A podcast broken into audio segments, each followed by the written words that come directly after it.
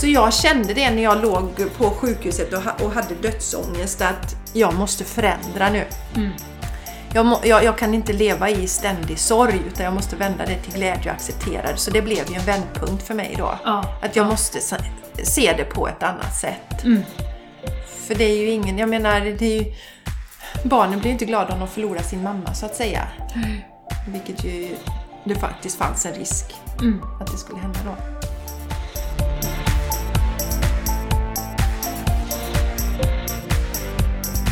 Välkommen till Game Changers Podcast. Tillsammans skapar vi ett liv som är hållbart för kropp, själ och planet.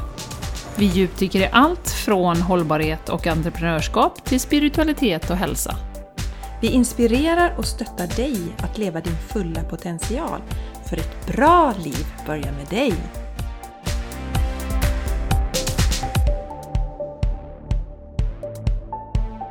Hej och varmt välkomna till The Game Changers Podcast. Jag heter Jessica Isigran och jag har med mig min fantastiska Jenny Larsson. Mm. Ja, Jessica.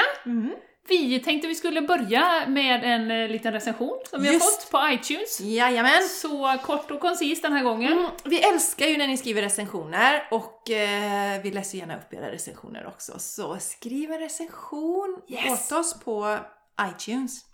Och vi ska börja läsa en där rubriken är Great Inspiration. If you want to make a change that will help yourself, the world and others, this is the way to go. Yeah! Och det är Martin Laszlo som har skrivit Eh, Tack så mycket Martin! Tack för att du har tagit dig tid. Det gör att fler kan hitta vår podcast och vi får ännu fler som lyssnar. Ja. Och vi får bättre spridning Ja. på vårt budskap om en hållbar kropp, själ och planet. precis, jag skulle precis säga det. Vad är vårt budskap Ja, egentligen, exakt! Ja, Men det är ju det det går ut på. ja, men det är det. Vi är trötta på att vi ska leva i den här världen med eh, bara stress och press och till slut så blir vi sjuka. Jajamän. Eller många blir det. Och eh, hur kan vi komma tillbaka till balans och verkligen leva ett liv eh, i full, full kraft, potential, få vara de vi är. Ja. Utan att döma och titta på den gör så, den Ja. gör så. Att komma tillbaka till sig själva och kan man stimulera den här tryggheten och, och bygga den inom sig själv, då har man inget behov längre av att döma vad andra håller Nej, på det med. man inte. Utan då låter de, man låter dem vara som de är. Ja. Och det är ju det som vi vänder och vrider på ja. olika vinklar Ja, och lär oss. hela tiden. Och lär, Lär oss, oss under resan och testa Absolut. våra vingar och sådär i allra högsta grad. Ja. Gör ju det Jenny faktiskt. Vi provar. Vi är ju inte fullärda. Nej, trots det att, är vi Trots inte. att vi är 47. Ja, men vi Eller försöker... 46. Ja, jag. ja, jag blir, ja, jag blir 47 år. Ja. Men vi är just att vi liksom, men vi testar ändå våra, vi Ja, provar ju och släpper taget och så. Precis, Mm. precis. Så Jenny, vi brukar alltid ta, för just nu har vi ingenting på gång. Vi har ju vårt program Just det, på gång. Ska vi. vi nämna lite kort om det Ja, kan vi göra. innan vi tar tempen? Ja, kan vi göra. Ja. Ja. vill du prata lite om det då? Ja, jag kan berätta lite om det. Vi har ju ett program som heter Skapa det liv du vill ha. Och det riktar ju sig då till människor som faktiskt vill göra bestående, hållbara, positiva förändringar Ja. i sitt liv. Och vi vet ju av egen erfarenhet att det är lätt att läsa någon självhjälpsbok eller gå på någon föreläsning och så är man jätteinspirerad. Men sen så försvinner det i kaoset av vardagen. Exakt. Och vi har ju haft två träffar nu i programmet. Ja. Och det första handlar ju om självkärlek. Och det andra, andra träffen var fokus på intuition och följa sin inre röst. Och mellan träffarna så får ju deltagarna olika övningsuppgifter de ska göra. Så de får lära sig att, vi, eller lära sig att vi faktiskt behöver karva ut lite tid i vår vardag för att börja ta hand om oss själva. Det är liksom där vi börjar. För många av oss tänker ju att där framme ska jag göra min förändring. När jag kommer dit ska jag göra min förändring. Men det finns liksom, vi måste först skapa utrymme och det är ju en av sakerna som vi, vi lär eh, Ja. ut då och inspirerar våra deltagare till. Och det är ju superhäftigt att se deras engagemang och hur de faktiskt committar Mm. till sina övningar och hur de börjar göra förändringar Mm. i sitt liv. Och det här positiva. som vi tjatar om Jessica, med mötet. Ja. De här träffarna är ju magiska. Ja. Man ser att liksom det är sån perfekt harmoni. Ja. När någon delar någonting så tänds det en liten gnista i någon annan. Och någon annan hänger på och börjar prata om hur det har varit för dem. Mm. Och det är sån eh, magisk liksom eh, utveckling, eller vad man ska säga, i det här mötet. Ja, så det att, så att eh, det ska bli så häftigt att se mot slutet här när vi får utvärdering om den här resorna som de har gjort var och Ja. en för sig. För de resorna är ju unika också. Ja, Och vi ger ju dem en massa verktyg för att de ska testa vad funkar för mig, för Mm. att jag ska kunna exakt. få in det i min vardag. Ja, och då är det liksom första vändan då så fick de göra yogaövningar och Mm. skriva må bra-bok och nu är det morning pages och så. Och då ska man prioritera Ja. en, så att man sen i slutet också får känna, ja men det här passade mig. Jag vill fortsätta med morning pages eller jag vill fortsätta med yoga för min utveckling. Mm, mm, mm. Eh, För där är vi också individuella, vad som passar och vad som passar Ja. olika tider i livet. Absolut. Och sen är det så viktigt tycker jag som du säger för det här med mötena. Vi är ju alla unika eh, som vi är.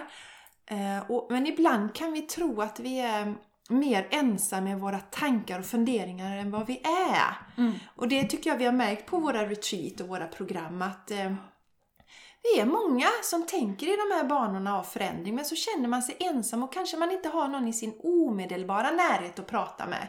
Men det är ju det som vi vill tillhandahålla genom våra retreat och program och våran podcast också. Att vi hoppas att eh, man ska känna sig mindre ensam i det här uppvaknandet som man, när man Mm. börjar se att nej men jag passar inte in i det här systemet. eller vad det jag kan handla om. måste inte jobba eh, på det här jobbet, jag måste inte göra de här grejerna. Eh, Nej, Jag måste inte följa mallen. nej exakt. Om jag inte vill. Nej. Det kan vara så, eh, som vi sagt många gånger, att man har världens bästa jobb, man trivs. Mhm. Men du kanske bara dränerar energin ändå, och du behöver ändå hitta så att du ändå fyller på. Just exakt. Eh, Ja, någonstans ja, men precis. med det du tycker är roligt, eller morgonrutiner eller vad det nu är. Ja. Så att du kan stärka dig själv och växa. Mm. Och hitta, och har man ett jobb som är fantastiskt roligt, men of, många har ju stressiga jobb också. Jajamän. Det här med att liksom koppla av, återhämta sig, det är ju det många missar också. Verkligen. Så det behöver inte vara att man ska hoppa av sitt jobb, utan det kan ju vara att du hittar dina små återhämtningsstunder, Exakt. så att vi får njuta av liksom livet. Ja, vi hyllar ju prestation så mycket i, i vårt samhälle. Ja. Och då vill man gärna, ja, men på semestern ska man visa vad man, om man har vandrat och man springer lopp och det är hela tiden prestera, prestera på alla Mm, mm, mm. delar i livet. Och Ja. barnen ska gärna ha olika aktiviteter där de vinner kupper och liknande. Ja. Så vi får aldrig riktigt tid till återhämtning någonstans. Och det tror jag är en jätteviktig grej som du säger Jenny, för att Mm. där behöver vi som människor lära oss och bli mycket bättre. Absolut. för återhämtning. Mm. Mm. Mm. Ja Jenny, ja, så det här programmet är helt fantastiskt och vi kommer berätta mer Ja. om det sen. Det kommer vi göra. Ja. Mm. Absolut. Och eh, hur har du haft det under veckan? Jag har haft det jättebra. Ja. Eh, det bubblar ju upp nu. Nu är ju detta två veckor ungefär senare som det sänds, men eh, ja, just det. för mig har det varit mycket kring det feminina, den Mhm. feminina kraften och hur det har tryckts ner. Mm. Eh, Mm. Vi har alla hört talas om eh, Josefin Nilsson Mm. eh, och den här historien. Eh, och för Och för mig... de som inte har hört talas om kan vi säga något kort om det Jenny, för man Mm. kan ju faktiskt ha missat det. Ja, hon gick ju bort eh, och hon blev ju eh, misshandlad av sin sambo då under det. 90-talet och han blev också dömd villkorligt då, tre månader tror jag det var. Mm. Eh, Men nu har det gjorts en dokumentär om henne då. Eh, Hon var ju med i Einbusk Singers. Det. Eh, Och det har ju blivit ett ramaskri när Ja. det har kommit ut hur hon faktiskt behandlades då. Mm. Så att mycket av det, och jag har själv, det har jag inte delat här, men jag har själv gått in som volontär på Tjejjouren här i Borås. Just det. Och har ju fått gå en utbildning och har verkligen kommit upp. Plus att jag har också haft en del klienter, stött på en del personer. Mm. Där jag verkligen ser såna vackra, framförallt då kvinnor, det är ju Mm. mest kvinnor, Ja. Både på våra program och, och klienter som kommer till mig för healing. Mm. När man bara ser hur de har under år blivit nedtryckta Ja. och blivit, fått höra att du är ingenting värd, Nej. du klarar inte detta, du är värdelös och så vidare och så vidare. Mm. Mm. Och när man ser att under det där lagret så är det en sån otroligt vacker själ med så mycket kraft. Ja, så mycket kraft ja. Så att det, det har kommit upp oerhört mycket för mig nu att bryta de här strukturerna. Och för mig då så handlar ju detta om och det har det gjort ett tag sen jag har jobbat som konsult, så att det är nolltolerans mot vi får inte ens skämta om liksom eh, trycka ner kvinnor, skoja om eh, med, med, alla de här uttrycken som nedvärderar ja. kärring och allt det här som vi har pratat ja, om. Precis. Med ordens kraft. Ja. Nej, vi måste bli så pass medvetna, mm. för våra barn hör det. Exakt. De säger ja, men jag kan säga kärring till tjejerna i klassen, det spelar ingen roll. Liksom. Och kärring är att man är mesig och spelar dåligt. Ja, men du vet. Det får inte förekomma. Nej, det nej. är nolltolerans. Det är nolltolerans. Och göra våra barn medvetna om det. Ja, jätteviktigt är För det. det är nästa steg. För vi är så obalanserade i det här att mm. vi kan inte skoja om det om, man ska vara, om vi ska vara ärliga med det. Ja. För att eh, det finns inte en balans. Om det hade funnits en balans i det, men det gör det ju inte. Nej. För vi och att vi skojar ständigt... lika mycket om kvinnor och ja, män. Ja, jag menar det. Liksom, det ja. Och att det fanns någon slags kärlek bakom det. Men det är ju en enorm rädsla som de manliga energierna haft på kvinnor. För vi sitter med makten. Det är vi som skapar liv. Ja. Ja. Det är ju bara så. Och det kan ju skapa en enorm rädsla mm. Eh, Mm. hos de manliga energierna. Omedvetet. Ja, ja. Mm, absolut. Omedvetet. Det är inget som de flesta är medvetna om, tror jag. Nej, det tror inte jag heller. Men det är ju det det handlar om. Då trycker vi ner kvinnan. Vi försöker äga kvinnan Ja. istället. Istället för att se och varandras krafter. För det, vi är ju samma... Vi vill ju inte döma heller Jenny. Nej, absolut Och vi har ju pratat mycket Vi om behöver det komma finns- till rätta med vi strukturerna. kommer till rätta med strukturerna. Vi måste upp, det måste upp i ljuset, så som metoo och de här delarna. Vi måste sätta lampan på det här, det kan inte förekomma Nej, längre. nej. Men vi, vi kan ju inte börja döma, utan vi måste reda varför, gör Ja. män, varför slår männen? Och varför eh, blir det som det blir? Och hur kan vi komma till rätta med det från början? Så att vi slipper Ja. De här systemen. Och också då, eh, som har kommit upp i samband med detta då, jag följer ju Linnea Claesson som är den här handbollsspelaren som eh, har det här kontot Assholes Online. Hon är ju, med i Let's Dance nu. Ja! Har efter första avsnittet fått så mycket hot.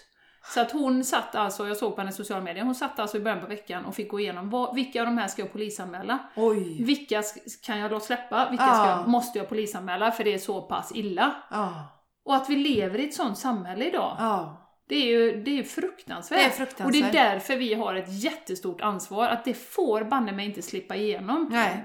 Små saker.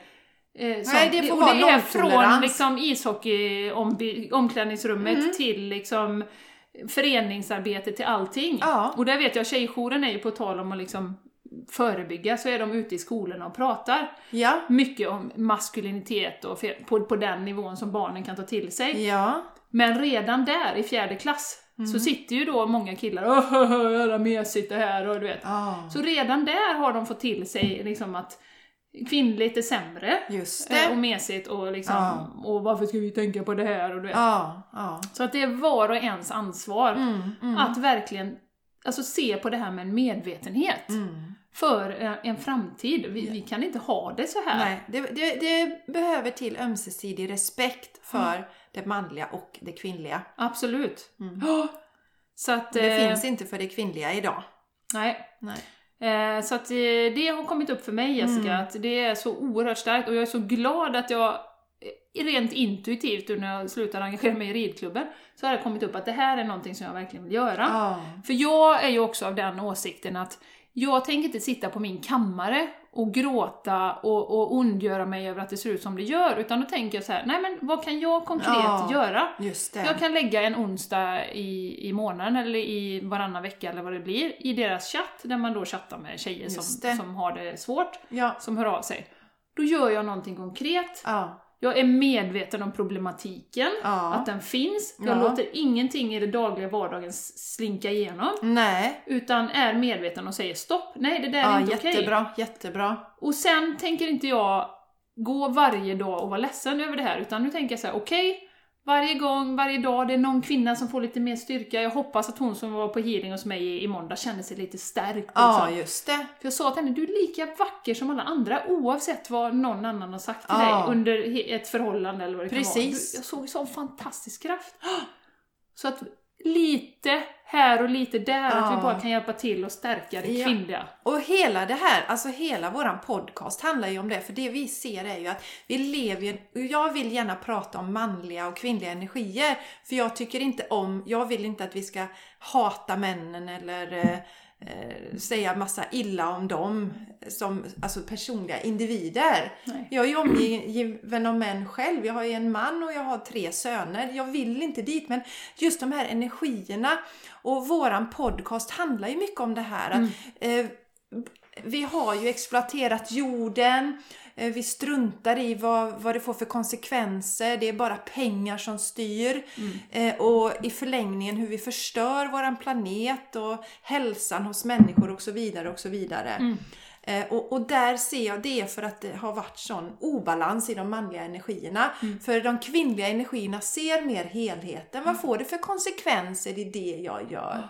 Hur, Det är inte coolt att vara omhändertagande. liksom. Nej, det är ju inte det. Om det du, söker till en, om du söker till en VD-tjänst och någon Ja. säger så här, ja vad har du för egenskap? Ja, jag är intuitiv, omhändertagande, känslosam. Exakt. Eh, jaha, okej. Ja, ja, men eh, henne lägger vi Tack, längst ner men nej, tack. Ja, ja. Men visst är Så har det det ju så. varit. Så har det varit, ja. Mm. Eh, Så att eh, superviktigt. Och det är ju som Dalai Lama eh, har sagt att det är ju kvinnan i väst som kommer rädda världen. Och det är inte för att vi kvinnor i väst är bättre än kvinnor i öst, men vi har resurserna, vi har eh, möjligheterna, vi har ekonomin så att säga. Vi har ett liv som inte handlar om överlevnad varje dag utan där vi faktiskt kan fundera över de här sakerna, börja prata om det, börja förmedla att vi behöver en förändring och vi behöver det nu. Mm. För allas bästa. För männen och kvinnorna, det har vi också pratat om hur synd det är om männen som inte får visa sina känslor. Mm. Alltså det... Och Nej, inte få vara de de är, utan Exakt. de ska bara vara coola och häftiga Ja. och starka och liksom. Mm. Om att- vi ska hårdra det, det gäller ju inte alla män, Nej, men vi, nej. om vi vi generaliserar. generaliserar. Mm. Så att det, det är ju en obalanserad värld vi lever i och det vill ju vi ehm, inte fortsätta och, och underhålla utan vi vill bidra till eh, förändring. Ökad medvetenhet. Ja, Och det är ju jättespännande, kan jag nämna redan nu. Mm. Vi kommer ju om några veckor ha en eh, forskare som har forskat på det här med ma- maskulinitet som heter Fredrik Zimmerman. Mm. Det ska bli så spännande. Jättespännande. Han kommer vara med och dela med sig av sin forskning och, och det som han har tittat på vad gäller maskulina eh, egenskaper och, och hur det påverkar våra barn och ungdomar. Mm, Så superspännande. det kommer snart. Stay tuned! Yes, yes, yes! Ja, och nu Ja. är det så Jessica, Ja! att förra veckan så intervjuade vi mig. Ja, Jenny X Ja, Larsson. Jenny X Larson, vi hann med en del. Ja, Eh, och nu sa vi, nu är du inne i din uprising. Ja, vi tycker ju om att prata om menscykler här liksom. Ja. Och nu är jag i min sån här, där, nära ägglasningen och woho! Ja. Nu kan jag för, förändra världen va. Ja, så nu kör vi intervju med Ja, det dig blir en idag. intervju med mig idag. Så det ska bli så spännande Jessica. Vi känner ju varandra ganska väl, Ja. men eh, eh, vi tycker att, ja men fasen det här är våran podcast, vi gör precis Exakt. som vi vill. Jajamän. Och eh, nu är det dags att intervjua dig lite mer Ja. Mm. på djupet. Vi pratar ju om oss själva liksom till och från såklart i olika aspekter. Men att få en helhetsbakgrund. Mm. Precis. Hur har du hamnat där du är just, Just. Mm. nu i ditt liv?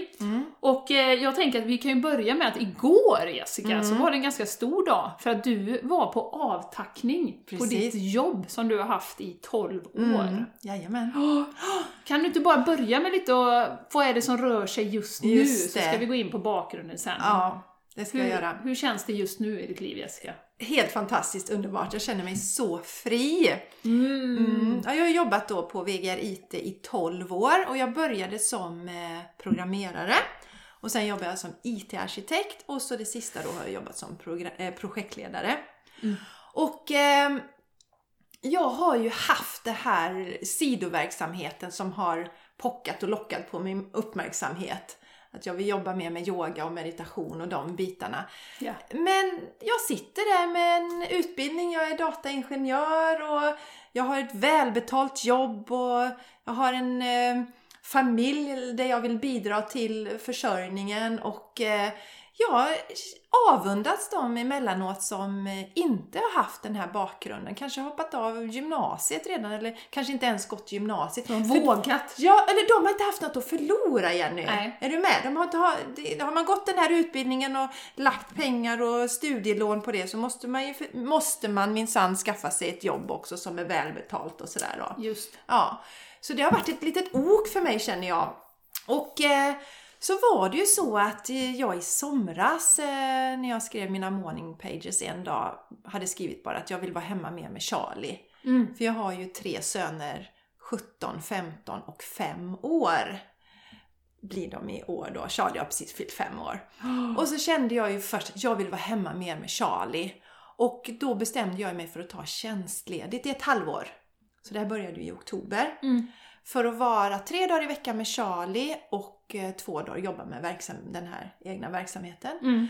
Och sen så var det ju faktiskt så att eh, jag har tre månaders uppsägningstid och tjänstledigheten tar slut första april. Just det. Så jag fick ju välja där i januari någon gång om jag eh, ville Skulle säga upp mig eller inte.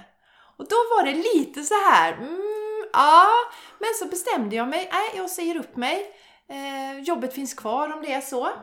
Och... Eh, ja, Hur kom du fram till det beslutet? Får jag bara fråga dig? Jag kände att jag vill verkligen inte gå tillbaka och jobba just nu. Nej. Nej, jag vill inte släppa det livet som jag har Nej. nu. Mm. Så att det, det, det finns inte på kartan. Mm. Det, det, jag har inte rätt energi. Jag, jag hade inte... Jag brann inte för att jobba som projektledare, eller brinner inte för det just nu i det sammanhanget. Jag brinner mer för att vara med Charlie och min egen verksamhet. Mm. Så att det hade inte känts rätt mot vare sig mig själv eller mot eh, företaget. Oh, vad härligt. Ja, så det var ett ganska lätt beslut. Men jag, jag sa ju det till min chef, jag frågade henne om hon har varit med om det tidigare, att någon säger upp sig och inte har något annat att gå till, Mm. en annan tjänst. Och sa nej, det är du och avtalspensionärerna som gör så här. så det är jag och panschisarna. Yes! Mm. Grattis! Tack! Härligt Mm. att eh, kunna bryta mot normen, så att Ja. säga. ehm, I vårat samhälle. Ja, och det känns som jag nu, jag har ett helt blankt papper framför mig där jag kan skriva precis vad jag vill. Mm, mm. Så jag kan välja vart jag... Jag kanske väljer att gå tillbaka och jobba som projektledare senare, men då känns det mer som att det i så fall är ett val som jag gör, ett mer Ja. ett aktivt val, Absolut. än ett som kommer utifrån. Mm. På förväntningar Ja, och att du borde och så jag vidare. borde och Mm, prestation och allt sånt där. Så att, eh, ja, jättespännande. Kul Jessica. Mm. Och, och sen var det ju så att eh, naturligtvis idag, efter igår då, när jag, och som, det är ju så här att eh, jag kommer ju sakna de människorna jag har jobbat med, men de finns ju kvar. Och jag var på sådär, jag kände mig så sprallig igår. Det var, så kändes som det var skolavslutning, fast det var bara jag som slutade. Ja, just det. Så fick jag fina presenter. Studenten och, va? Yay! ja, och en fantastisk god tårta. Ja, som jag har fått äta på. Mm, från Sankt Agnes Café, en vegansk tårta. Mm. Supergod. Ja. Ja, och då var det ju så att innan, liksom, jag vaknade tidigt i morse och så kom det ju massa idéer till mig vad jag ska göra med mitt företag. För det är som att när man släpper, när man vågar släppa och ibland är det så att för vi håller ju fast i så krampaktigt och då kommer inte så mycket nytt. Utan vi måste ge plats. Och i den här fasen vill jag ju gå in, jag håller ju på också med KonMari. Om ni har hört talas om det. Det är, en, det är ett sätt att eh, den kallar det ju en städmetod, men eh, det handlar ju om att eh, gå igenom sina saker i, som man har i sitt hem och välja ut sånt som ger en glädje. Och det är också en väldigt speciell process och jag tror att det också hjälper till. Jag, jag plockar bort saker från Ja. mitt liv som, som tar energi ifrån mig. Du kan släppa in nytt eh, när det, du tar bort de sakerna. Ja. Det är som en energiband liksom, Ja, som försvinner. ja så det kommer in massa tillbaka. nya saker Mm. och eh, jag känner inspiration att göra nytt och sådär. Ja. Så det känns superbra i mitt liv just nu Jenny. Underbart. Ja. Men du Jessica, vi, måste ju, vi har ju berört det tidigare, det vet Mm. jag. Men eh, vi behöver ju ge lyssnarna, det kan ju vara någon som är helt ny. Och tittarna, Mm. Ja, tittare också! hej hej! Eh, nu vinkar vi lite mot Ja, kameran. vi vinkade sådär. till Ja. kameran. Mm. Eh, om du bara får ge lite bakgrund om dig själv Jessica, din uppväxt och så, Mm, hur det har format dig och det har präglat dig. Vad, vad skulle du berätta Mm. för de som är nytillkomna och även för de som har lyssnat ett tag? Vad, Ja. vad tycker du, hur har din uppväxt präglat dig? Ja, alltså jag har ju varit med. Vi pratade ju när, när vi intervjuade dig Jenny, Ja. eller jag intervjuade dig, så, så pratade vi om att du först på senare år har blivit medveten om hur din barndom har präglat dig då. Mm, Jag har ju varit medveten om det ganska länge. Redan i 20-årsåldern så började jag jobba med mig själv. Mm. För att eh, mina föräldrar skilde sig när jag var sex år. Och eh, min mamma blev ju sjuk då.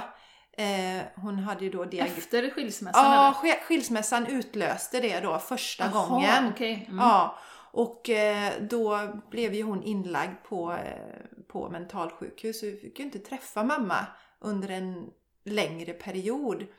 Och hon har ju diagnoser, då hette det manodepressiv. Mm. Idag kallas ju sjukdomen bipolär. Och sen har hon lite andra diagnoser, schizofreni och sådär. Och jag, jag tar lite lätt på diagnoser egentligen för att man kan inte ringa in människor på Nej. det sättet. Men man kan känna igen beteende, så hennes beteende Eh, när hon insjuknar då i sina skov så blir hon väldigt eh, manisk. Slutar Mm. sova på nätterna och sådär och eh, bränner massa pengar och så.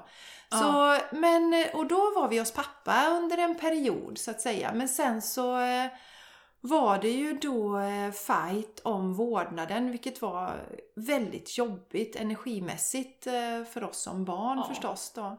Och sen så, och, för mina föräldrar med självklart. Det här är ju trauma för alla som är med om det. Mm. Och sen så hamnade vi hos min mamma, Eh, jag och brorsan. Så att eh, jag var nio år när vi flyttade till mamma. Och eh, då hade jag nog ganska lugna, Och Då var hon utskriven och medicinerad Jajamän. eller hur? Ja, precis. Hon medicinerade.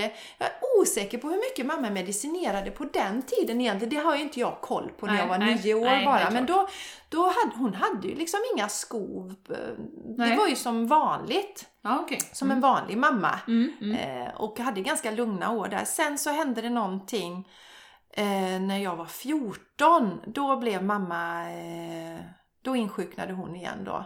Och sen har det varit nästan varje år sedan dess då. Ja. Så jag brukar säga att jag blev mamma till min mamma när jag var 14. Så att eh, någon gång där under gymnasiet så fattade jag ju att eh, det här kommer ju påverka mig, min uppväxt kommer att påverka mig, jag måste jobba med detta på något sätt. Och det blev ju så här. väl- väldigt, bara för att avbryta, Mm. insiktsfullt Ja. och, och komma på det då. Ja, För att jag kan tänka mig många som är med om liknande, liksom går in i, inte vet jag, alkohol eller droger eller bara vill fly bort ifrån Mm. situationen så att säga. mm. Eh, så att någonstans där måste du liksom haft en väldig liksom, Ja. ändå koppling till dig själv. Ja. Där du insåg att oj, det här är inte bra nej. för mig och det har nog påverkat mig ganska mycket. Ja. Som sagt, jag gick helt omedveten om... Nu hade jag ju inga sådana trauman på det sättet. Nej. Nej men jag känner, jag har alltid känt mig väldigt gammal. Jag har känt mig som jag är hundra år på vissa. för att det, det är så mycket erfarenhet som man kanske inte skulle haft Nej. redan i den tidiga åldern nej, då. nej, det låter så. Mm. Ja. Mm. Eh, nej, och sen det som var då eh, utmanande med en sjuk mamma. Det, dels ville jag inte berätta för någon. Nej. Det var ju ingen av mina klasskompisar som visste någonting. För jag skämdes. Jag ville Mm. inte att de skulle... Och, och så tänkte jag att om någon får reda på att min mamma är psykiskt sjuk så tror de kanske det är något fel på mig också. Så det Ja. var ju väldigt läskigt.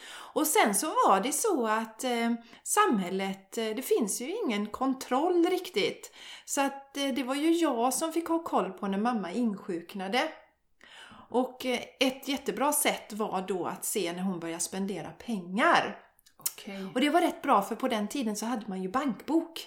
Ah, Så då kunde jag se, jag kände nu Oj. började det hända något, så då kunde jag kolla hennes bankbok och då såg jag att hon började... Och då försökte jag ju ringa till läkare och sådär. Eh, och fick ju noll stöttning ifrån dem. Ingen stöttning och de kunde ju ringa upp mamma sen och så skällde ju mamma ut mig efter noter då. Så slutade ofta med att det blev en katastrof, alltså det blev fullständig kaos. Så att polisen fick komma och hämta mamma. Oj. Och tänk om vi hade blivit besvarade från det, eller besparade då om, om vi hade blivit lyssnade på. Ja. För det är ju så att det är ju väldigt, väldigt få barn som vill sina föräldrar illa. Man Ja, skyddar ju dem. absolut. Det är inte så att man vill hänga ut sin mamma. Nej. Eh, så. Och sen så tror jag det hände ju mycket, alltså det var en tuff period att drabbas av detta när, när man är 14 år, när man ska börja egentligen sin frigörelse Mm. på något sätt. Och det intressanta är att jag, när jag var liten, jag har alltid varit ordningsam. Ja. Men de som har känt mig efter tonåring har ju liksom definierat mig som en stökig person. Men något hände där. Jag tappade liksom orken. Mm. Det var från en dag till en annan så kom kompisar hem och så var det skitstökigt i mitt rum. Och där tycker jag är så spännande för att jag känner i det här med KonMari som jag pratade om innan, att jag är tillbaks till det. För att jag är egentligen en person som tycker om att ha ordning omkring Mm. mig. Och hittar tillbaks till det nu. Så det, är också en läkeprocess i det då. Men det som, det som präglar mig i min barndom det är ju att jag alltid har... Jag bestämde ju mig tidigt att jag ska inte bli sjuk som min mamma. Mm. En sak var, ett tag var jag intresserad av att bli hjärnforskare. Ja. Ja, naturligtvis då. Såklart. Men det, det av olika anledningar så blev det inte så. Men det har ju också varit i min resa... Psykolog har du varit intresserad av? Nej, nej. inte det. Nej, inte intresserad av psykolog, Nej. men hjärnforskare. Och sen också då insett när jag har läst på mycket om kosten och liknande hur alternativa läkare då eh, tittade på till exempel när det har gällt bipolära sjukdomar. Det första de har gjort är att de har tag- tagit bort mjölken och gluten och ofta ser man förändringar då. Ja. Och sådana saker har skapat en trygghet i mig. För naturligtvis har jag haft en rädsla att jag också ska bli sjuk. Ja. Det har ju varit Ja. en eh, värsta mardrömmen. Mm. Men ja, det är jag inte rädd för överhuvudtaget längre. För Nej. jag vet att eh, omgivningen och miljön påverkar oss så mycket. Och det är så tydligt för min mamma har ju en enäggstvilling. Mm. De har samma genuppsättning. Mm. Och hon är inte bipolär. Nej. Men min mamma hade ju en jobbig separation när hon var liten. Också som jag tror triggade det här. Mm. Hon blev inlagd på sjukhus när hon var sex år och skulle opereras och fick inte ha någon kontakt med sina föräldrar under den här perioden och blev tvångsmatad och fruktansvärda saker. Oj. Så jag tror att eh, någonting hände där Mm, som utlöste någonting hos henne helt enkelt. Ja. Så att därför så känner jag mig trygg idag att vi kan göra väldigt mycket med miljö och eh, vad vi äter och hur vi behandlar oss och sådär. Ja. Så att jag har ju jobbat i många, många år med mig själv att må bra helt enkelt. Det har varit det vik- det viktigaste för mig. Det har inte varit så viktigt att man bor i ett fint hus. Det viktigaste för mig är att alla är friska runt omkring Ja. mentalt och mår bra. Mm, mm, mm. Ja. Så det är väl det. Och eh, och hur har du, det präglat dig så? För du, du har ju sagt någon gång att du har varit väldigt känslig för vad andra känner. Att du har liksom Ja, lätt för att plocka upp det. Ja, precis. Och det Mm. har ju då varit eh, extremt jobbigt för mig. Jag känner ju, jag har haft en radar inställd hela tiden. Ja. Att om du mår dåligt Jenny, då måste jag ju göra någonting. För det är Ja. ju ingen annan som gör någonting. Nej, det är det- det som har varit min prägling. För samhället sket ju i det. det var ju, allt ansvar virade ju på mamma. Om inte jag gjorde någonting så blev det ju katastrof. Mm, Då blev det ju polisen som kom och hämtade sen. Ja. Ja, så det tror jag ligger där en del i mig. Och där, det har jag nu på senare år förstått. Det finns ju någonting som heter medberoende också, hur man Ja. Fungerar. Och så det har jag eh, nu, ja, senaste år och framförallt den senaste tiden bara jobbat mycket med att jag behöver inte rädda människor runt omkring. Nej. Folk får ändå ta hand om sig själva lite. Ja. Ja. Helt annan sak då att jag i min, min yrkesroll gör det när man får liksom energier tillbaka och människor som vill bli hjälpta. Mm, mm.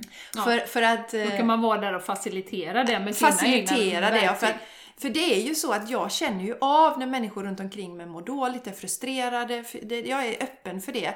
Men om de människorna inte själva är medvetna om att de mår dåligt så kan jag ju inte göra någon nytta ändå. Nej, Nej, så det är bara onödig energi. nej, det är lite som en alkoholist, man måste erkänna först att man, Ja, man är precis. där man är. precis. Liksom.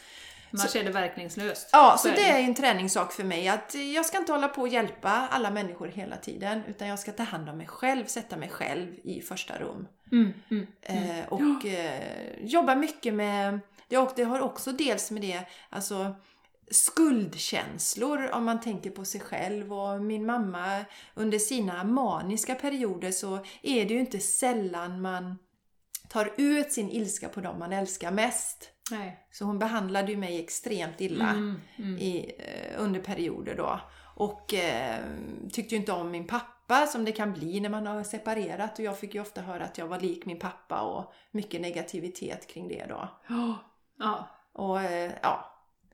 Jag kom hem, det har jag ju berättat för dig tror jag Jenny, när jag kom hem. Jag var den enda i- i klassen som hade fått femma i tyska och så berättade jag det för min mamma och så säger mamma att ja men tyska är ju inte det viktigaste ämnet. Så det var liksom inte direkt att Någon stöttande. Nej, det var inte stöttande.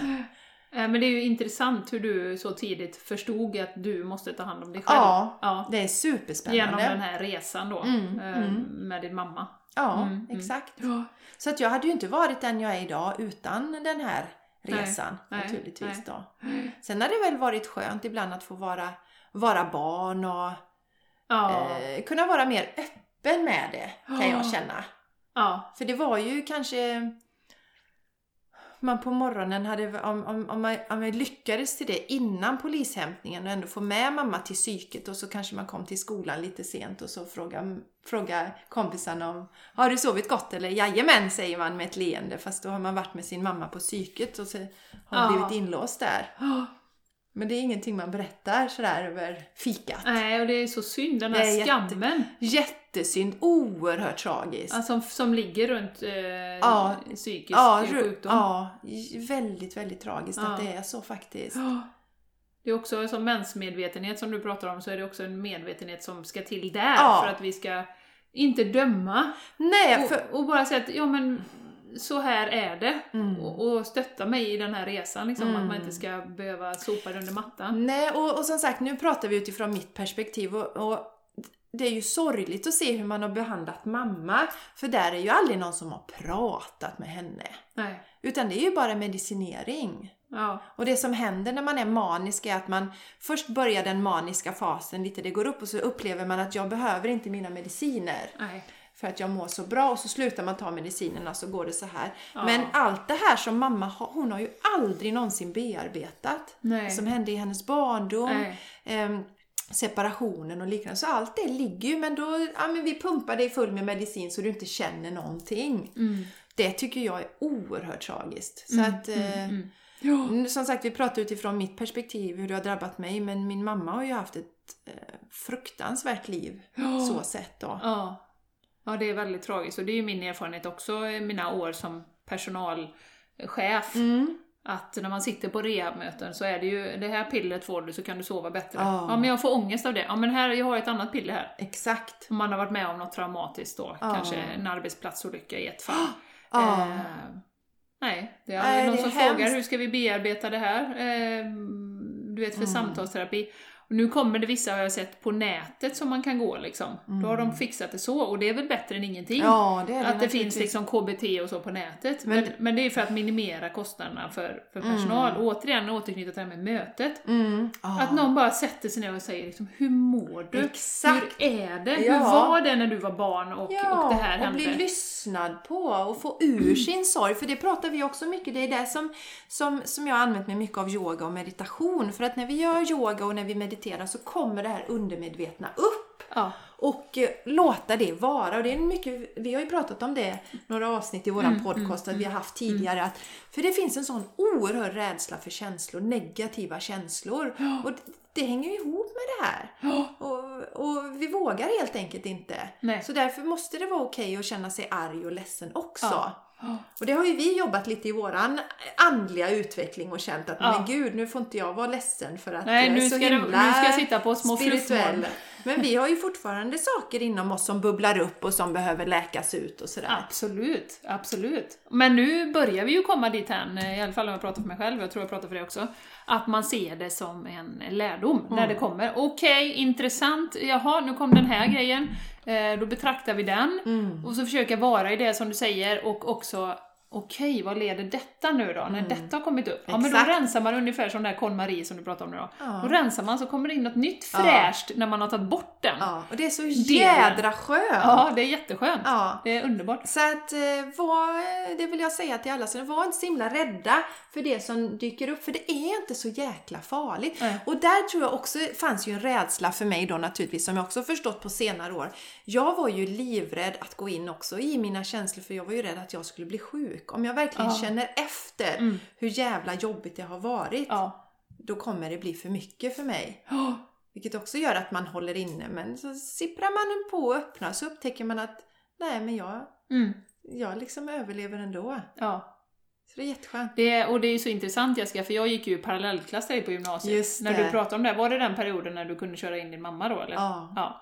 Och det enda jag kommer ihåg av dig, det var Ja. ju att du var en jävla god tjej som alltid hade ett stort fett leende på läpparna. Mm. Det var det, liksom- eller liksom enda är det inte, men när jag tänkte Ja. Jessica på gymnasiet så tänkte jag leende, Ja. glad liksom. Ja. Hade någon frågat mig så här, ja men tror du att hon har en psykiskt sjuk mamma hemma som hon tar hand om? Nej, det, det tror jag inte. För det hade jag inte kunnat gissa på, Nej. på tusen år liksom, att det var så. Nej, och det här leendet har jag, alltså dels är det så att jag är en positiv och glad människa. För någon gång har jag tänkt att det bara var slä, liksom slät över. Men jag Ja. är en positiv och glad människa. Men det var också ett sätt att liksom överleva den här tiden Mm, faktiskt. Ja. Eh, att inte gräva ner mig. Och det hade jag och brorsan, vi, vi skojar ju mycket om det här. För det var ju mycket tokigheter som, som Ja. mamma hittade på då. Eftersom hon hade förföljelsemani också Oj. i sin diagnos. Så ville hon ju tända lite ljus och sådär så att alla visste att vi hade det bra. Ja. Ja. Jaha, vilka då liksom? Men det Ja, var ju ingen idé ja. att ifrågasätta Nej. det på det sättet då. Men eh, humor och glädje har varit ett sätt också att liksom överleva. Men som sagt, i En grunden strategi. är jag en glad person. Ja. Så det är inte bara någonting som jag Nej. liksom har klistrat på, har jag insett Mm. i, i efterhand då. Mm. Men intressant, men då gick du gymnasiet och Mm. sen så eh, gick du direkt in sen till dataingenjör eller hur, hur var den resan ja, efter just där? det, just det. Ja, just det. Jag gick på gymnasiet och sen så hade jag en pojkvän. Vi flyttade till Göteborg, så var det ja. Ja, mm. Stu- Utom Socknes. Jajamän. Studentlägenhet där. Och eh, då var det första liksom, jag längtade ju bort, jag ville inte bo hemma. Jag tyckte det var jobbigt att vara nära min mamma. Jag ville bort från min mamma så att säga. Så att eh, då flyttade vi. Och eh, då läste jag nationalekonomi och juridik, Jenny. Under Gud vad spännande! Ja, väldigt sexigt, eller hur? Ja. Ja, ja. Det är bara mina personliga Ja, precis. Och sen så eh, hade jag en period, just det, det tog slut med den här pojkvännen. Det visste jag kom på att han hade en, hade en annan tjej då. Han var vid sidan av. Så då Ja, tog det slut med Då honom. tog det slut. Då tog det slut Ja. med honom. Och då skaffade jag en egen lägenhet i, i Göteborg. Och det var en tung period för mig. Då kom jag liksom tillbaks till någonting igen, att det var kaos hemma. Det var liksom kaos hemma och jag såg inte ens det. Nej. Jag vet eh, en vän till mig- rörigt menar Det du? var rörigt Ja. alltså. Det var en kompis som kom hem till mig och så, så, och så hade jag ju en, en etta var det, så här, jättekompakt etta och så Mm. Soff, soffa, soffbord och TV. Och det stod liksom en det stod en champagneflaska här, liksom mitt på bordet och massa saker för att jag skulle måla av den, för jag tecknade den, jag skulle Ja, måla av den till någon Ja. och ge bort, men det blev liksom aldrig. Nej. Och så satt jag liksom så här, typ så här när jag tittar på TV. Så när min kompis kom sa, är det okej om jag flyttar den här flaskan? För jag, jag Jaha, såg du den liksom lutade inte. dig liksom. Ja, jag så, såg liksom Nej, inte den nej. då. Nej. Och, och det, då hade jag liksom, jag bottnade lite där och sen så bestämde jag mig för att jag skulle läsa eh, jag skulle plugga till dataekonom i Borås. Så Mhm. då flyttade jag till Borås igen. Ja, ja. Så började jag läsa där. Eh, läste Spännande. ett år, men tyckte att ekonomi, nej, Vad det var du? lite för stelt och tråkigt. Du fattar i alla fall det, det fattar ju inte jag under fyra år på, Nej. på högskolan. Ja. Jag bara körde på. ja. Mm. Så där gjorde jag ju, det har jag ju tänkt på nu sen, där gjorde jag ju faktiskt ett avhopp. Ja, gjorde du. Jag tyckte om programmering, jag älskar Alltså jag, jag programmerade ett, ett dataspel när jag var nio år. Mm. Så att jag tycker om att programmera. Pac-Man. Ja.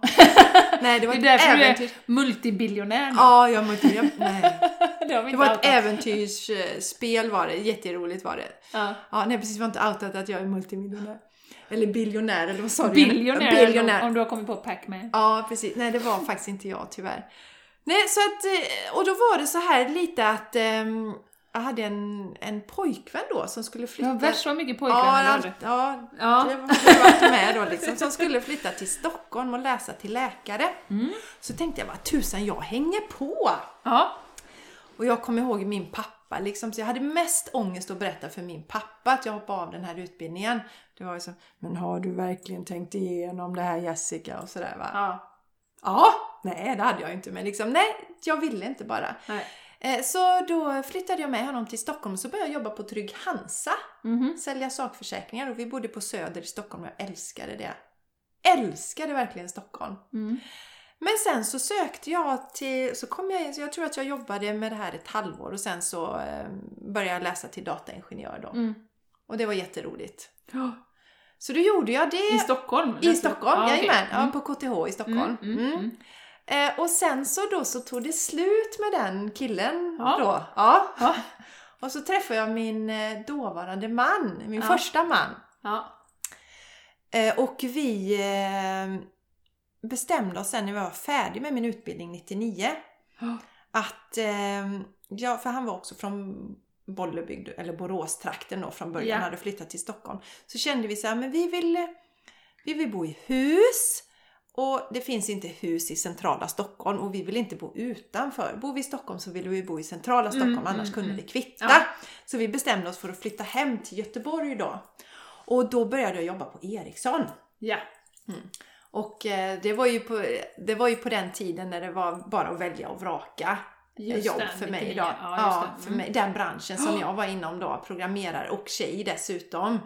Det var fint, då kunde man kvotera in en tjej i gruppen Ja, också. precis. Fantastiskt. Ja, och då... Eh, eh, de betalar ju flytten och sånt där så att det var bara att köra på. ja. Och det var väldigt lärorika och bra. Jag tyckte mycket om Ericsson faktiskt.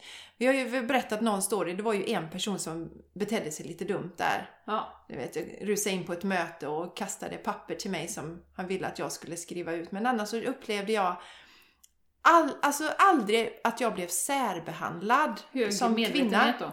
Det tyckte Mm. jag faktiskt att det var på Ericsson. Ja. Och en härlig ingenjörsanda liksom. Vi, var, vi löste problem tillsammans. Det var det som var fokuset.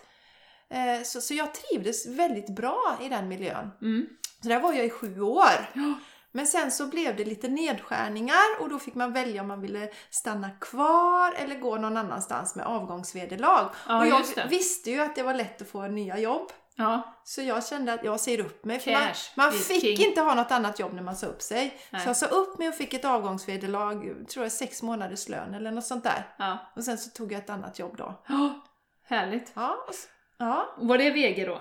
Nej, Nej, nej, utan det var annat. ett litet företag. Jag ska kanske inte outa det nu, men det var väldigt crazy på det. Det var ungefär 20 anställda Mm. och de blir aldrig större för de fastnar i det här att eh, ägarna vill styra, Mm. detaljstyra. och då, Lätt hänt. ja, Lätt hänt. då Ja. växer ju inte företagen.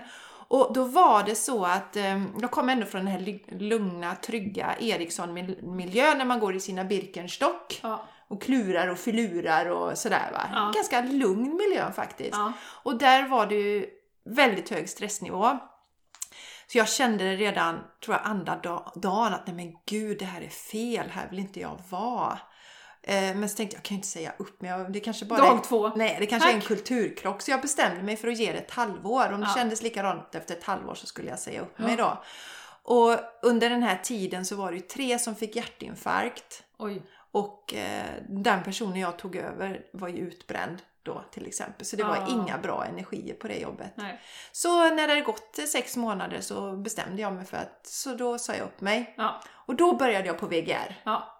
Och då, då tänker jag på det här med det här företaget, då har du ju också sett konsekvenserna av vårt samhälle på nära håll. Mm. Alltså under det här, vad, vad händer om man jobbar och jobbar så mycket? Exakt. Och, och stressar och liksom... Ja, och de hade ju en strategi att plocka in såna här, det finns ju olika namn, men A-människor eller röda personligheter eller som är målfokuserade och, och lite arbetsnarkomaner då så att säga. Jag har ju den tendensen också. Eh, och eh, kör, kör på och sen så bränner folk ut sig. Och så plockar man in någon ny sen som ska liksom rädda världen och fixa allting. Ja. Och där, där ska jag ge en eloge till min pappa för han sa ju faktiskt det till mig för att han, när jag var två år så jobbade han så mycket så att han var bara hemma två helger det året tror jag, under ett Åh år. herregud! Ja. Mm. Oj. Ja, och, och sen så var det ju så när det blev nedskärningar på hans jobb så var det ju ingen som liksom tackade och så hamnade han i telefonväxeln. Ja. Här har du ett jobb, liksom, ta det, ungefär, varsågod. Och det min pappa sa till mig var ju då att eh, var inte illojal mot ditt företag. Nej. Alltså fiffla och sånt, det finns ju inte. Men var inte dumlojal heller. Så det hade jag alltid. Jag, jag har ändå haft det någonstans i bakhuvudet. Att Det jag var ska väldigt inte, klokt och insiktsfullt. Ja, det var det Ja. faktiskt. Att inte jobba ihjäl mig så att säga. Så den Ja. varningsklockan har funnits där. Mm. I då i kontrast till att jag har den här högpresterande personligheten. Mm. Mm. Eh, Så att säga. Mm, så att, så som du säger, jag fick ju verkligen se där hur, hur, hur det snabbt brände ut eh, unga människor faktiskt. Ja, den här ja, miljön. sorgligt. Mm. Väldigt sorgligt. Och sen då, då måste vi ta oss eh, parallellt då. Mm. 99 vet jag ju, då gick du ju på din första yogalektion. Ja. Så att din, din liksom, den mer, vad hände på den spirituella Ja, exakt, resan under exakt. den här tiden? Just det. Mm. 99, jag jobbade på Ericsson då, det var mitt första jobb efter utbildningen. Mm. Och då var det en kollega till mig som eh, undrade om jag ville få följa med på yoga. Och jag visste ju i princip inte vad yoga var då. Nej. Det var något flummigt, det visste jag. Ja. Och så, ja. och så gick jag på yoga och så kände jag bara fasen vad gött jag mår av Ja, det här. ja. Så då gick vi på yoga, det var väl en gång i veckan, kanske en termin eller Ja. något sånt där. Och sen så rann det ut i sanden tror jag.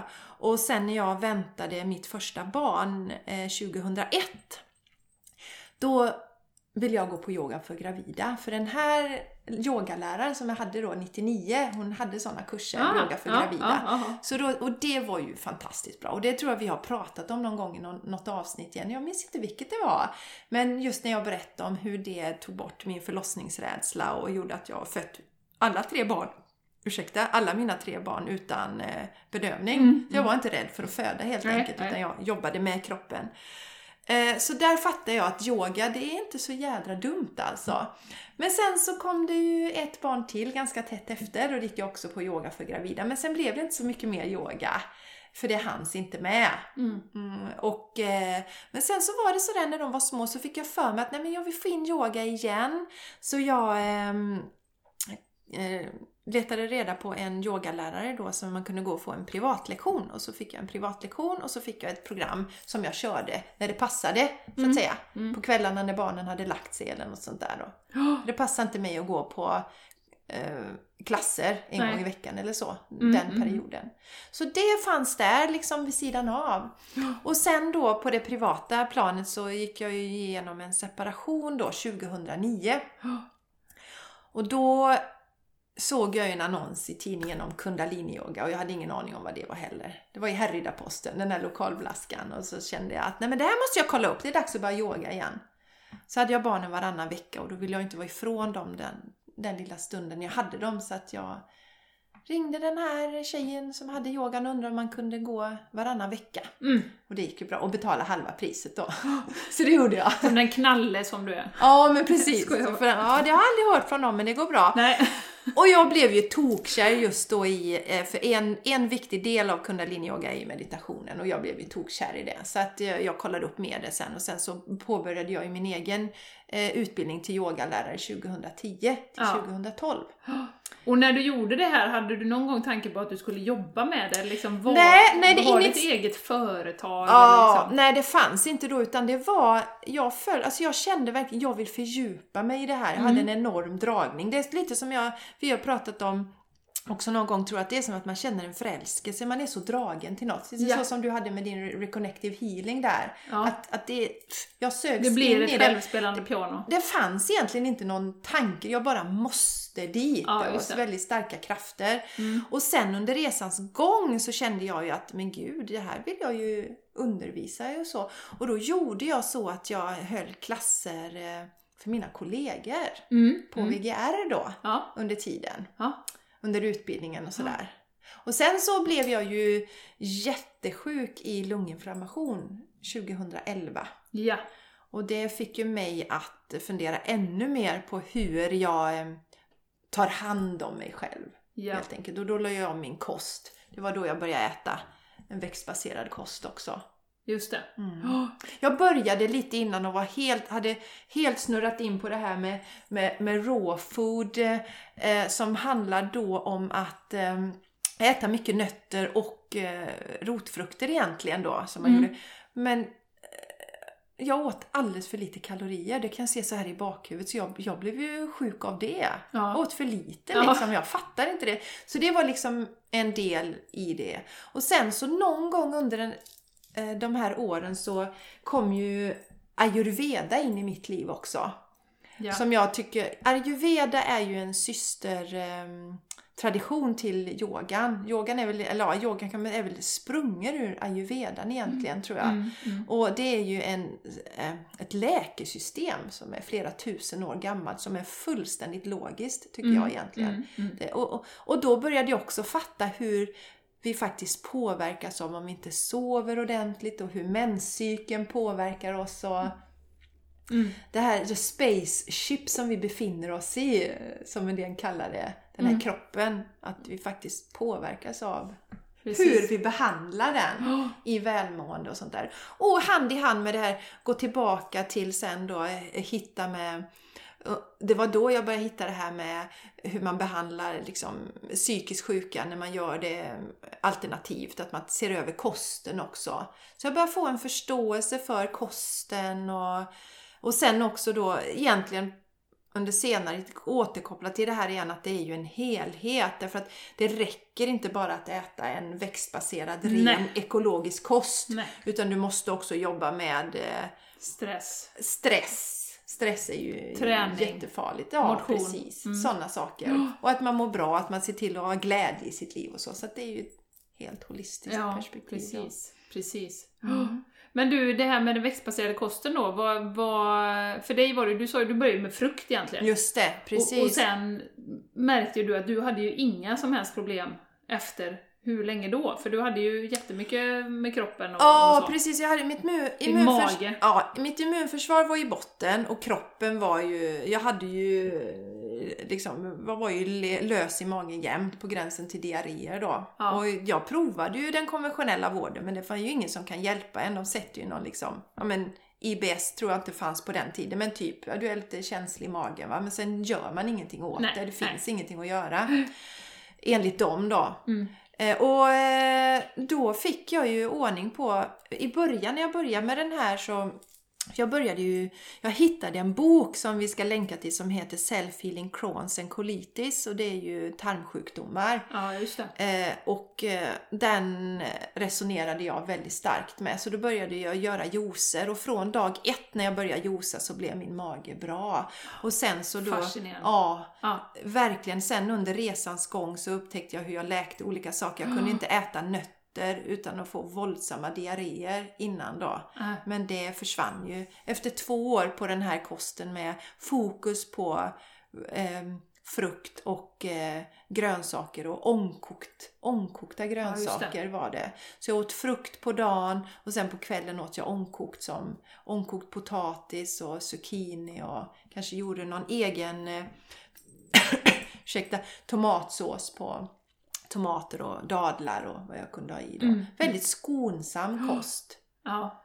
Och eh, det var ju så också när jag hade, när jag blev sjuk i, i eh, lunginflammation så var det ju så att eh, mitt immunförsvar, alltså det är ju ofta ett tecken på att vi har dåligt immunförsvar när vi får lunginflammation. Så jag ville ju, jag ville ju aldrig mer bli så sjuk. Nej, det... Mm. Det var ju jävligt läskigt alltså. Ja. Eh, och, och, men sen insåg jag ju också att eh, det var ju också en mental del för att jag sörjde jag sörjde separationen, mina barn så mycket, att jag var ifrån dem så himla Mm. mycket. Mm. Den sorgen. Halva tiden då. Ja, jag kunde inte ens glädja när jag hade, ens när barnen var hos mig för då visste jag att snart skulle de försvinna. Mm. Ja. Så jag kände det när jag låg på sjukhuset och, och hade dödsångest att jag måste förändra nu. Mm. Jag, må, jag, jag kan inte leva i ständig sorg utan jag måste vända det till glädje och acceptera det. Så det blev ju en vändpunkt för mig då. Ja. Att jag ja. måste se- det på ett annat sätt. Mm. För det är ju ingen, jag menar, det är ju, barnen blir ju inte glada om de förlorar sin mamma så att säga. Vilket ju det faktiskt fanns en risk Mm. att det skulle hända då. Så det är återigen, alltså det är helheten som påverkar oss. Det är alltihopa. Det är vad vi äter, vad vi tänker. Ja. När känslorna går överstyr och vi Mm. fastnar i eh, negativ tänkande så Ja. att säga. Ja. Ja. För det handlar ju inte, det som vi pratar om att vi måste ju låta våra känslor få komma upp men när vi fastnar i något slags snö, och det kommer, jag kommer aldrig få ha mina barn hela tiden. Nej. Och det kommer, åh, ältandet där Nej. som bara kan ta en Dränera. neråt. Mm. Mm. Mm. Så det är som par- parallella världar där som du säger. Dels då karriären och sen jobbade jag enormt mycket med mig själv på det Ja. personliga planet Ja, också. ja. Olika resor. Och det är så himla häftigt. Eh, Jag läser ju en kurs nu på, på Cornell University som är på distans. Mm. Och vad jag inte har fattat, alltså det, det är så här att kosten, det går ju så himla snabbt. Alltså Mm. läkningen, alltså om du ger kroppen rätt förutsättningar Mm. Så går det ju så snabbt. Ja. Alltså det, det kan gå på, som du säger, på en dag, Ja, eh, på några exakt. veckor. Eh, Jag vet de hade gjort något test på, på möss där de gav dem protein och då var det i det här fallet mjölkprotein då. Ja. Eh, och så hade de tumörer då, och så, så eh, när de fick en, en eh, 5% diet, då minskade tumörerna. Just det. Sen så fick de helt plötsligt en 20% proteindiet, Just det. mjölkprotein. Ja. Då växte tumörerna Ja. under den perioden, det var bara två veckor eller någonting. Ja. Sen minskade de ner det igen, Mm. då började de krympa. Mm. Så det går alltså instantly, om du liksom reglerar vad du äter, vad du tar in Mm. eh, i Det kroppen. är jättehäftigt är det. Så att för, för någonstans så tänker man så här, ja nej men har jag det, det kommer ju liksom ta åratal innan jag blir frisk. Ja, Nej, det är Nej. inte säkert. Om du ger kroppen rätt förutsättningar som du gjorde då, precis. så det kan gå så himla snabbt. Ja. Jag, jag brukar ju dra den här liknelsen om man har ett sår. Om jag har skurit mig här på armen till exempel, ni som ser på film, så, så vet vi alla att det läker sig. Men om Mm. jag fortsätter att skära hela tiden så kan det ju inte läka. Och det är ju samma om jag fortsätter att mata mig själv med fel kost. Mm. Så ger du ju inte mm, kroppen förutsättningar. Så det gäller att liksom kliva undan och ge kroppen det den behöver. Ja. För, för att den ska kunna Och då läka. snackar vi inte hamburgare på max, liksom. Nej, vi gör... på max. Nej, nej, exakt. Det är helt okej om man vill ta det någon gång, men, Ja, men exakt. bygger du hela din kost på det, och det är man ju också väldigt noggrann med i den här utbildningen jag går, att vi snackar om en varierad, där du lagar från grunden Mm. eh, med alla möjliga olika grönsaker och Mm. liksom. Mm. Det är det vi pratar om. Ja, och, och det som har blivit då, om man ska säga så, varierad kost, nej men jag vill inte vara så extrem, göra ett sidospår här då. Mm. Jag vill inte vara så extrem, utan, och, och den varierade kosten för människor idag är ju att man tar en Coca-Cola ibland och man tar en burgare här och där och man äter Mm. processad mat och lite sån, då Ja. äter man varierat. Ja, ja. Men, men det, det, vi har inte så mycket utrymme för det. Vi har extremt lite utrymme för så fruktansvärt dålig mat. Mm, mm, mm. Eh, Men precis som du säger, du kan ta en eh, veganburgare ut ibland och du kan äta en tårtbit ibland då. Bara din bas består av eh, mat eh, som är lagad Absolut. från grunden och frukt och färska grönsaker och allt sånt där. liksom. Absolut. Och det ger ju, som vi pratade om, en krockkudde. Ja men då kan du äta dåligt någon gång. Exakt. Ta en veganburgare eller vad du gör liksom. Ja. Eller socker i något fall då liksom. Men, men, och det är precis samma med den mentala delen. Alltså, vi kommer ju aldrig vara på en high hela tiden, men om vi jobbar med våran så himla bra, eh, som kom till mig i veckan här, eh, med, med, som jag nog gjorde ett inlägg om också, med att, som vi ofta säger, det är en träningssak. Mm. Så är du liksom känslomässigt vältränad, Mm. Eller mentalt vältränad, Just det, ja men du precis. tränar så att du liksom, ja men Ja, fasen, exakt. jag tränar på liksom och, och känna mina känslor och hantera, liksom, jag visualiserar och jag, jag liksom jobbar med det. Jag mediterar för att ha ett lugn. Mm. Ja men då när det kommer så kan du möta det och det är ju samma med kroppen. Mm.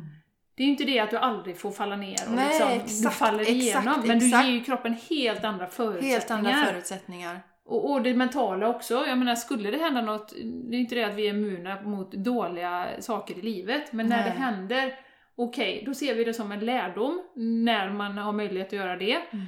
Eh, och försöka i alla fall och liksom, okej, vad kan jag liksom lära av det här? Ja. Och det är en helt annan känsla än att känna att, åh, varför alltid jag? Ja. Varför drabbar det här mig? Mm. Nu går jag och lägger mig där och gråter Ja. i, i två veckor. Precis. Det är en helt annan approach. Ja, det är det. Det är det. Och det är ju det som jag ser som du har skapat under, som du fattade då väldigt tidigt, att jag behöver skapa förutsättningarna för att må bra själv. Exakt. Det är ingen exakt. annan som kommer Nej, att servera det. Nej, det, det är helt viktigt. Det, det fick jag ju lära mig. Jag såg ju det. Läkarna hjälpte inte. Det jag hjälpte inte oss som barn. De hjälpte inte mamma. Nej. Så att jag genomskådade ju det väldigt tidigt. Och jag tror det är också därför jag på något sätt har inte så högt förtroende för den läkare vetenskapen eller så som vi Mm. har för att man får inte hjälp på djupet. Det bara läggs på något som inte blev bra. Det blev ju aldrig bra med mamma. Det, det, det är en katastrof för henne. Hennes liv är förstört. Vårat liv blev förstört Ja. för att man inte Mm. eh, gick på djupet med det istället och försöka få till en läkning. Mm. Mm. Vad är det som gör? Ta reda på varför mamma blir sjuk istället. Och, och, och, och hjälp henne där då. Det hjälper ju oerhört mycket. Så det har jag lärt mig, det är som en, en kompis pappa alltid sa att det flyger inga stekta sparvar i munnen på en. Nej, det är jävla tur det. Ja.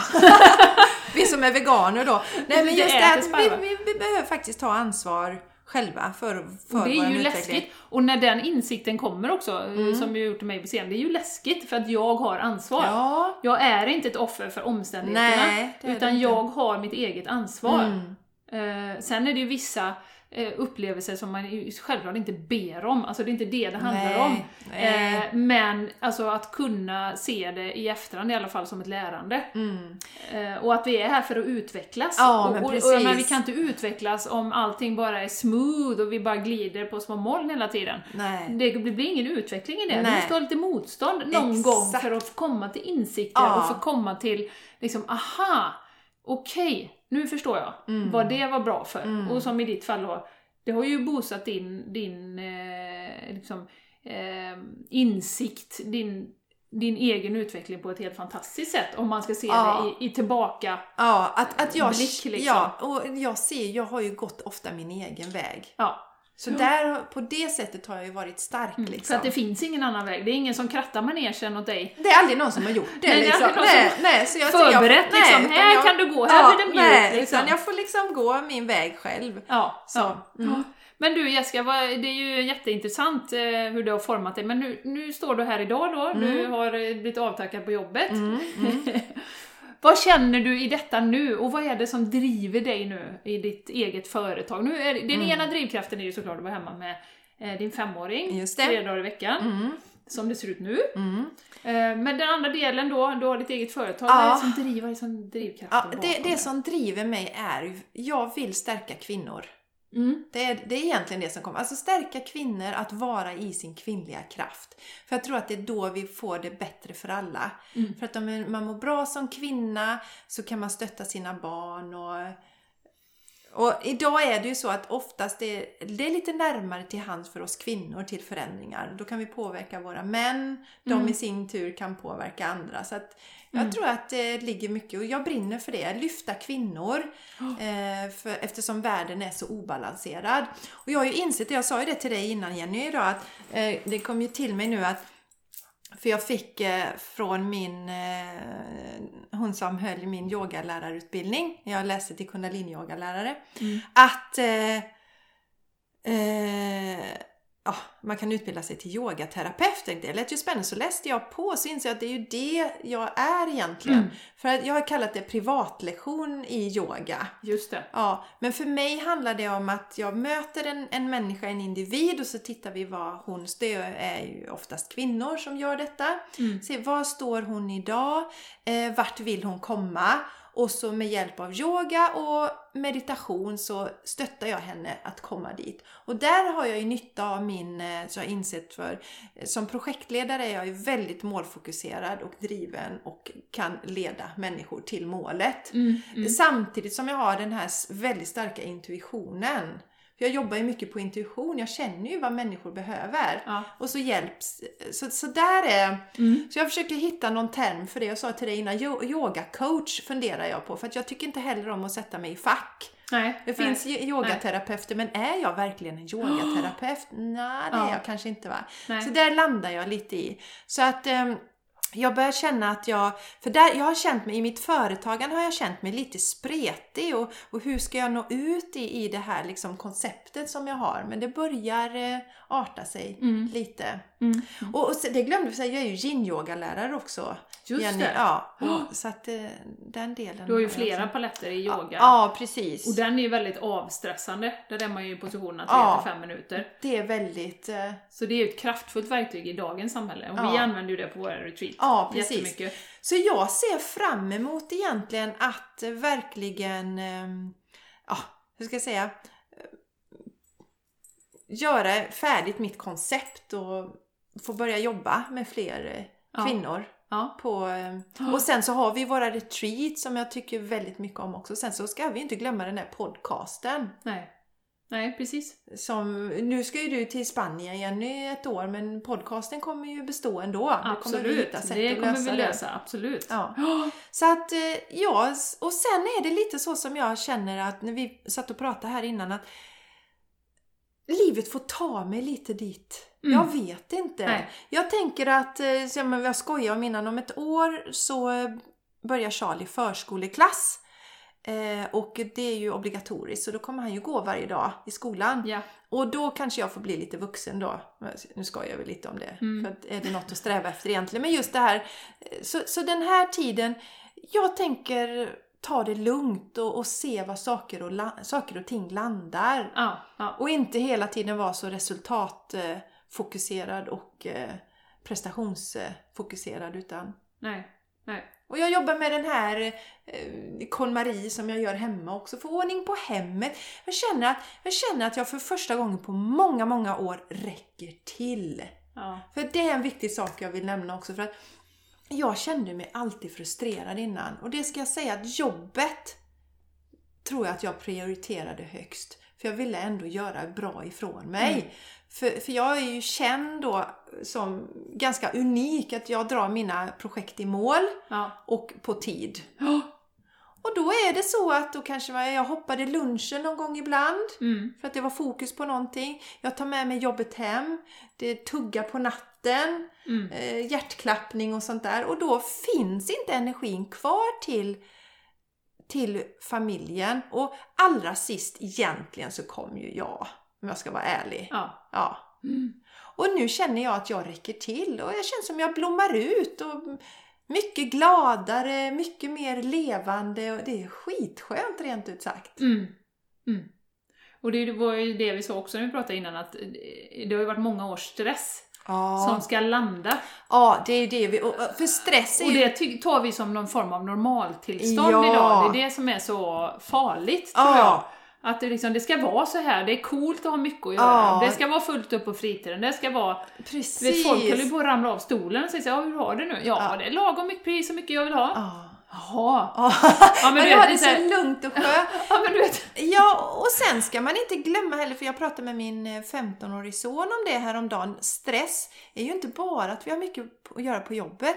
Jag har ju gått igenom en skilsmässa, det är en enorm stress. Ja. Levt med en mamma som är psykiskt sjuk, det är enorm stress. Mm, mm. Ett, ett giftermål är en stress. Alltså, de sakerna är också viktiga. Det, det, det, Ja, att räcka till liksom Exakt. Ja, det händer absolut. så mycket i Mm. våra liv. eh, Mm. och så då kanske jobbstress på detta. Så att det känns enormt skönt att få em, läka ut, vara och se vad, vad händer efter detta. Nu sitter jag och tittar på Sanchez här som sträcker sig lite i sängen. Ja. Hej Sanchez! Eller i soffan är det, inte sängen. Nej. Hej! Ja. Mm. Men, men du Jessica, om det sitter någon här nu och lyssnar och tänker så här: åh gud, det är ju jag precis, och stressar Mm. runt och prioriterar aldrig mig själv och bara tänker på alla andra och Mm. liksom...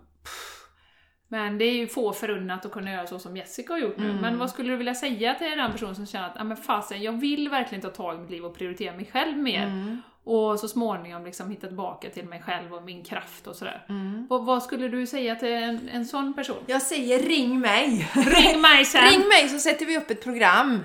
Eh, och så börjar vi. Gör det! Ja, nej men alltså det är faktiskt... Jag gör som del- de gör på eh, Talang. Ja, Ring! Ja, nej men kontakt, alltså det, det är faktiskt lite skämt åsido, men jag tror att eh, många av oss kan behöva stöttning i att se var kan jag börja. Ja.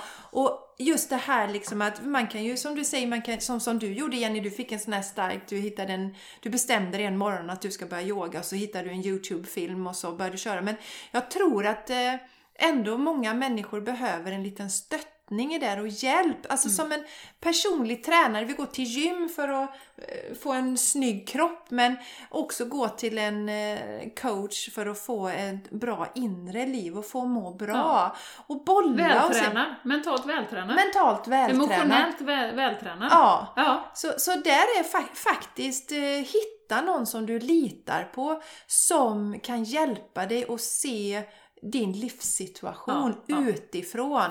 För det är inte alltid, det, det är svårt Det är att se vad man kan göra. Och, och just det här som du säger Jenny, att det behöver oftast inte vara så stora förändringar, men vi behöver bara en liten kil liksom. Börja ta kanske fem minuter där jag börjar lyssna inåt. Ja. Där är ju egentligen den allra viktigaste delen. Gå in och lyssna och ta reda på vad tusan är det jag vill egentligen. Ja. Och, och, och det kan vara så här, det, ja men inre rösten, men vad då inre röst? Är det någon som ska tala till mig eller vad är det egentligen? Men det kan vara en känsla. Ja. Det skaver i mig. Jag, fasen, jag är inte nöjd med min situation och om du bär på mycket frustration så det är tecken på och stress. Mm. eh, Och ilska är tecken på att eh, du gör något fel i ditt liv. Så karva ut Eller lite fel till- och fel. Ja, ja, men Ja. det är fel. Det är Men ju det, relativt vad som är rätt och fel. ja, men jag menar att du Som gör... skapar obalans Ja, som skapar Ja. obalans i ditt liv Ja. som gör att inte du... För, för att det är inte meningen att vi ska må, det är inte meningen att vi ska vara arga och frustrerade eh, som eh, grundkänsla. Nej. Det kan komma ibland naturligtvis, men, men det är inte det som ska vara grundkänslan, Nej. utan vi ska må bra. Så ta reda på vad som gör dig glad och gör mer av det. Ja. Det är ett jättebra ställe att Ja, börja. jag tycker det. Ja, ja. För vi är så ovana att lyssna på. Vi är jätte... Vad är det jag vill? Ja. Jag bara följer med liksom och så Mm. gör det som alla andra vill. Och det är ju ett jättebra första steg. Mm. För vi ska ju säga också att som sagt, du började med yoga 99. Mm. Sen har du alltid varit medveten om att du måste ta hand om dig själv. Exakt, exakt. Men, men det är ju en resa och en process Mm. tills du står där du är idag. Ja. eh, Och har liksom sagt upp dig på ditt jobb och nu Mm. testar du det här och du har ju tränat på att ha tillit. Ja. Att våga lita nu på att det som kommer ska komma. Mm. Och ditt koncept kommer utveckla sig precis så som det ska. Mm. Men det är ju inte något som händer över natten här nu, Nej. att du bara yay, nu vaknar jag och jag känner tillit liksom. Nej, men det är Utan jätte... det är ju en träningssak. Ja, det... Sen, sen är jag övertygad om att det kan hända ändå. Ja. Du kanske vaknar en och bara yes, det här vill jag göra. Men Mm. det, det här är ju en process för, för de flesta tror jag. Mm. Att liksom börja så smått, lyssna på sig själv Ja. och sen tar man kliv och så följer man det som ens hjärta pekar på. Ja. Och så gör man, och så gör man, och så gör man. Ja, jag tror det är en jätteviktig grej som du säger, för det kan bli en låsning om man då till exempel hänger på Instagram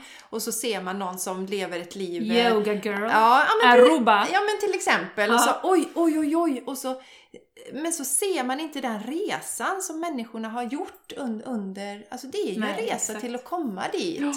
Ja. Och då kan det bli så här, nej men det klarar inte jag då. N- Nej, du kanske inte klarar att ta det steget på en dag, men eh, under, ja, vad du nu sätter, du behöver inte sätta någon tidsperiod, men Mm. fem, tio år eller vad, vad det händer. Men det du måste göra, det är att du måste börja. Mm. Det är ingen annan som kan göra det åt dig. Det flyger inga stekta sparvar i munnen på oss människor utan vi måste faktiskt ta tag i livet själva. Ja.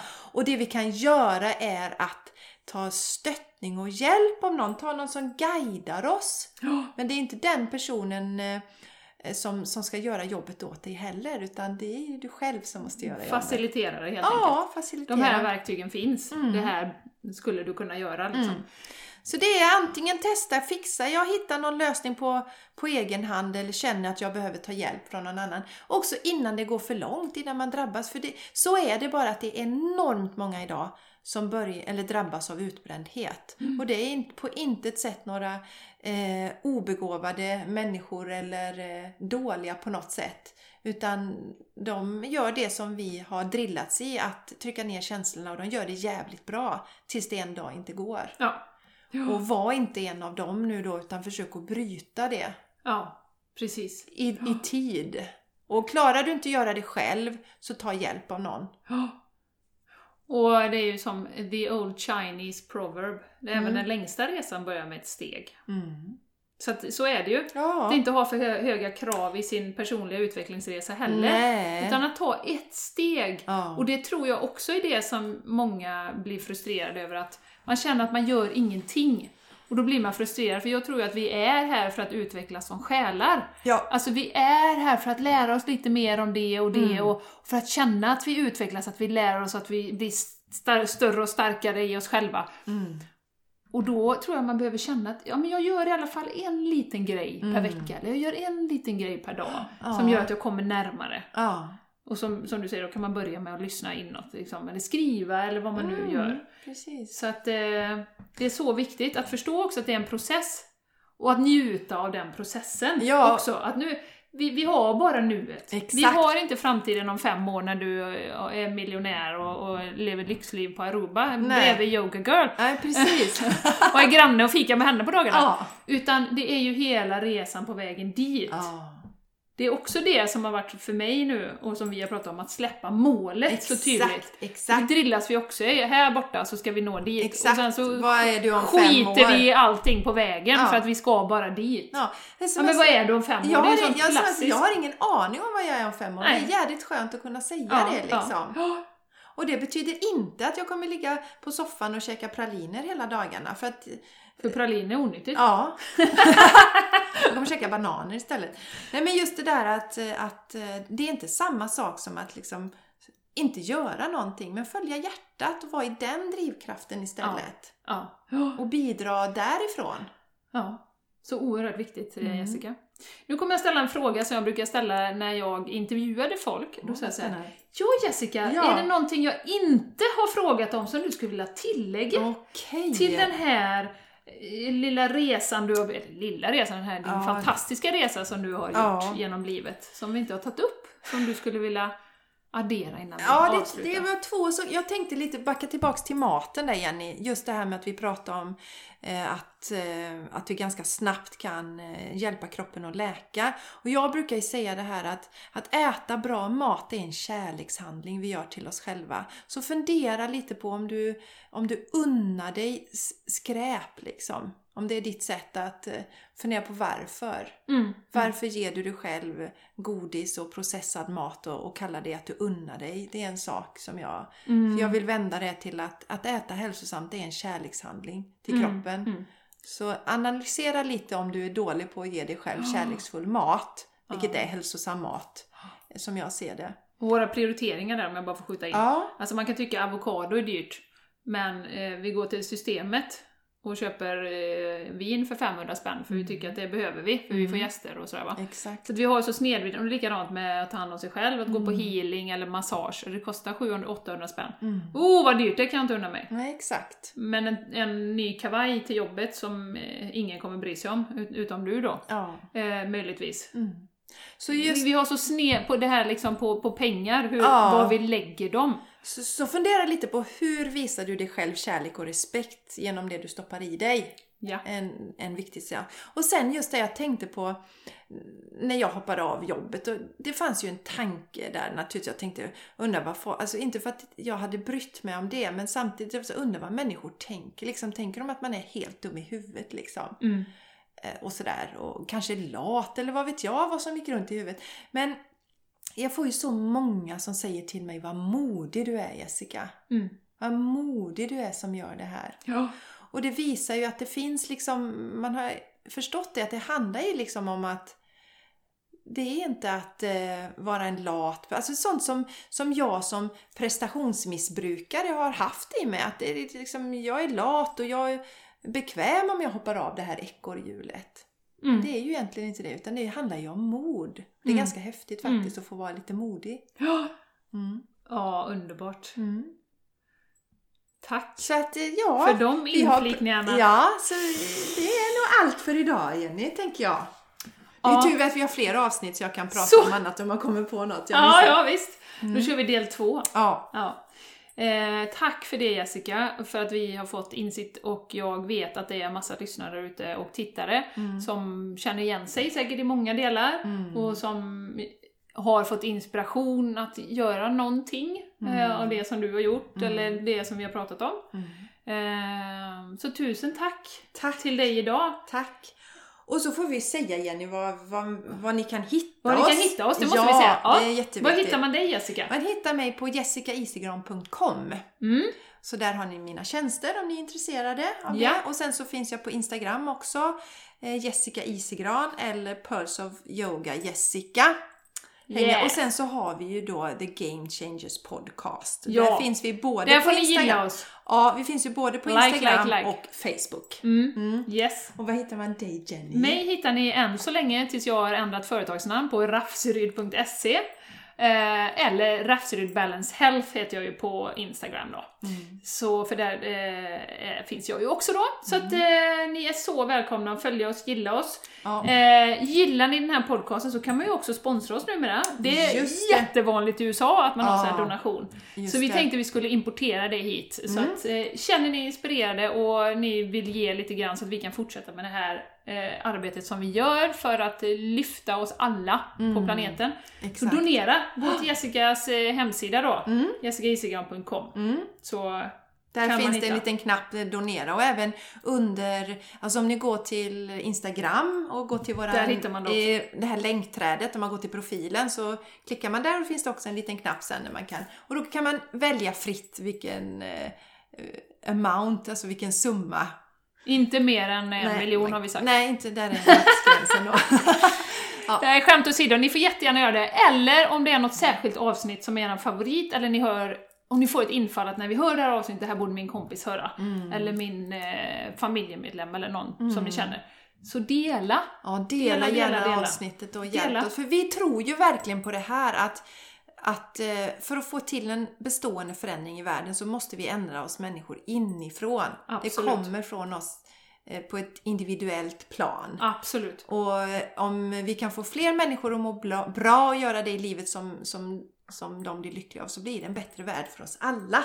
Absolut. Så man kan se det som lite egoistiskt att dela den här podden också. För Ja. gör jag det så kommer människorna runt omkring mig må bättre och då kommer mitt liv bli roligare också. Yay! Ja. Amen! Amen! ja, så det var väl allt för idag Jenny. Ja. ja. Tusen tack! Tack så hemskt mycket för Vi att ni är har... glada Ja, det, och lyckliga Ja. och eh, tackar er och önskar en fantastiskt fantastisk dag. ja, det gör vi. Ha det fantastiskt. Hej då! Puss och kram! Hej då!